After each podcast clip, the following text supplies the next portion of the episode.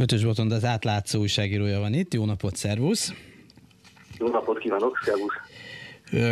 több mint 5,5 millió forintnak megfelelő koronát kell az Európai Uniónak visszafizetnie Csehországnak, mert hogy bebizonyosodott, hogy Andrei Babis cseh miniszterelnök hát valahogyan megtartotta a befolyásait cégeken, cégekben, amelyek támogatást kaptak, és ez összeférhetetlen. Hogy zajlik egy ilyen vizsgálat? Tehát hogy, hogy derült ki az, hogy Babisnak mégiscsak van befolyása cégekre, miközben azt mondta ezekre már, hogy nincs?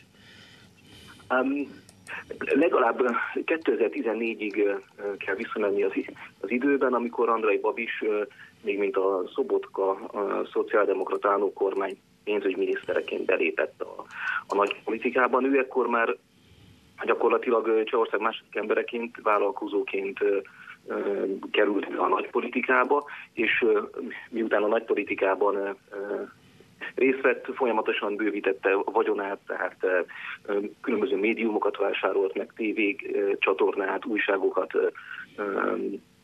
Ezzel gyakorlatilag ez ellen próbált föllépni a, mondjuk a cseh politikának egy másik része, és 2017 februárjában hoztak gyakorlatilag Babis személyére egy úgynevezett Lex Babis törvényt, amely gyakorlatilag kimondta, hogy vállalkozással foglalkozó üzletember, tehát üzletember nem összeférhető a politikai tevékenységével. Ekkor Babis 2017. februárjában két vagyonkezelő alapba vándoroltatták gyakorlatilag a, a vagyonát, az összes vagyonát, és ő, ő a, ilyenkor ekkor azt mondta, hogy hát gyakorlatilag semmi köze az Agrofert vállalathoz, amiről tulajdonképpen most az, az ügy kirobbant. És kérdésedre válaszolva, úgy robbant ez ki, ez az ügy, hogy 2018 folyamán, tehát nagyjából egy évvel a törvény a Czech Transparency International Szlovákiában fölfedezte, hogy valójában Andrei Babics miniszterelnök továbbra is befoly, tehát hatással, tehát felügyeleti joggal rendelkezik vagyona felett, ezért ezt jelezte a Transparency International az Európai Unió illetékes szervei felé, ahol vizsgálat indult el. Ezzel párhuzamosan egyébként, mivel így gyakorlatilag beszélünk, az Európai Unió is szigorította a, törvényeit. 2018-ban gyakorlatilag a, mondjuk így, hogy az, az EU költségvetésének új pénzügyi szabályait, a vonatkozóan új szigorú előírást, ellenőrzést írt el. Hát egyrészt az EU is szigorúbban tudott fellépni, a országokban is vehető tisztélésekkel szemben másrészt pedig a helyi törvénykezés, tehát cseh, a nemzeti szintű törvénykezés is megpróbált Babis túlhatalma ellen lépni. És nyilván az egész dolog Azért... Bocsánat, egy mondat, és, és, és 2018. decemberében az egész ügy már az Európai Bizottság előtt landolt, behívták személyesen Andrei Babis, a miniszterelnököt, aki egyébként nem jelent meg, de ettől függetlenül az Európai Bizottság hozott egy döntést, mivel feltűnően gyanús volt a történet, illetve törvénytelennek tűnt, hogy leállította az Agrofert felirányuló összes pénzügyi támogatást, illetve megbízta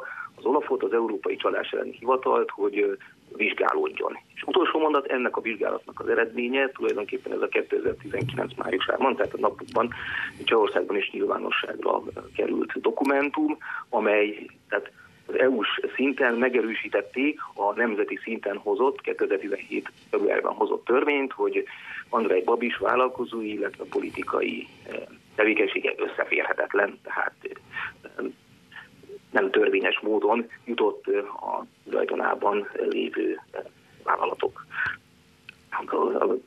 támog, Európai Uniós támogatáshoz. Mert nyilván a magyar hallgatóban, olvasóban föltulol a kérdés, hogy az vajon megfelel-e az Európai Unió szabályainak, amikor elég jól körülírhatóan egy nagyon szűk csoport kapja az Európai Uniós támogatások egy jelentős részét, és ez a csoport nem túl bonyolult módon összeköthető a miniszterelnök személyével, egészen odáig, hogy akadnak olyanok is, akik élnek a gyanúperrel, hogy ők nem többek Strómannál, akik elviszik ezeket a pénzeket?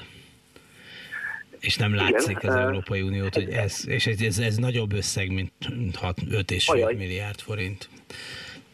Igen, de erre ugye azt lehet mondani, hogy ez a magyar választópolgárok kezében van a döntés, mint ahogy a Csehországban is a cseh választópolgárok olyan politikai, olyan pártokra, illetve mozgalmakra szavaztak, amelyek gyakorlatilag képesek voltak a cseh törvényhozásban olyan törvényeket hozni, amely úgymond fékeket, ellensúlyokat épített be a rendszerbe, ezért létezik például Csehországban hatékonyabb fölépés, a, a, mondjuk így az illiberális előtér túlhatalmi terjeszkedésével szemben, tehát ugye az a legfőbb ügyészség az működőképes, illetve tényleg itt a rendőrség is elindított a nyomozást. Ettől függetlenül, illetve ezzel párhuzamosan érezhető az Európai Unióban is egy mondjuk kicsi szintlépés, a cseh sajtó is érdeklődik, megszólítottak pont tegnap több nyugat-európai politikus, az egyik például azt nyilatkozta, hogy tehát a később csatlakozó közép- és kelet-európai országokban érzékelhető gyanús ügyletek, tehát itt konkrétan Lengyelországot, Magyarországot, Romániát és hát Csehországot említették meg. Ez alapján az EU a következő költségvetési nagy években, tehát 2021-től induló szakaszban sokkal erősebben fogja kontrollálni, hogy hova fognak menni az EU-s pénzek.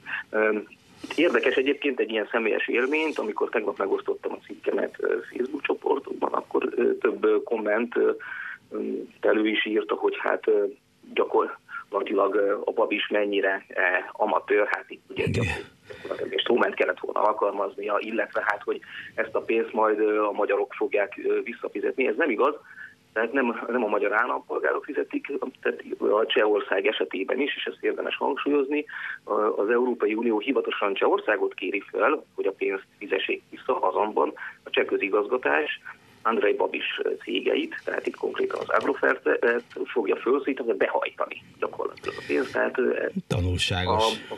Tanulságos történet. Köszönöm szépen Bötös Botonnak, az átlátszó újságírójának. Szervusz, viszontlátásra. Szervusz, viszontlátásra.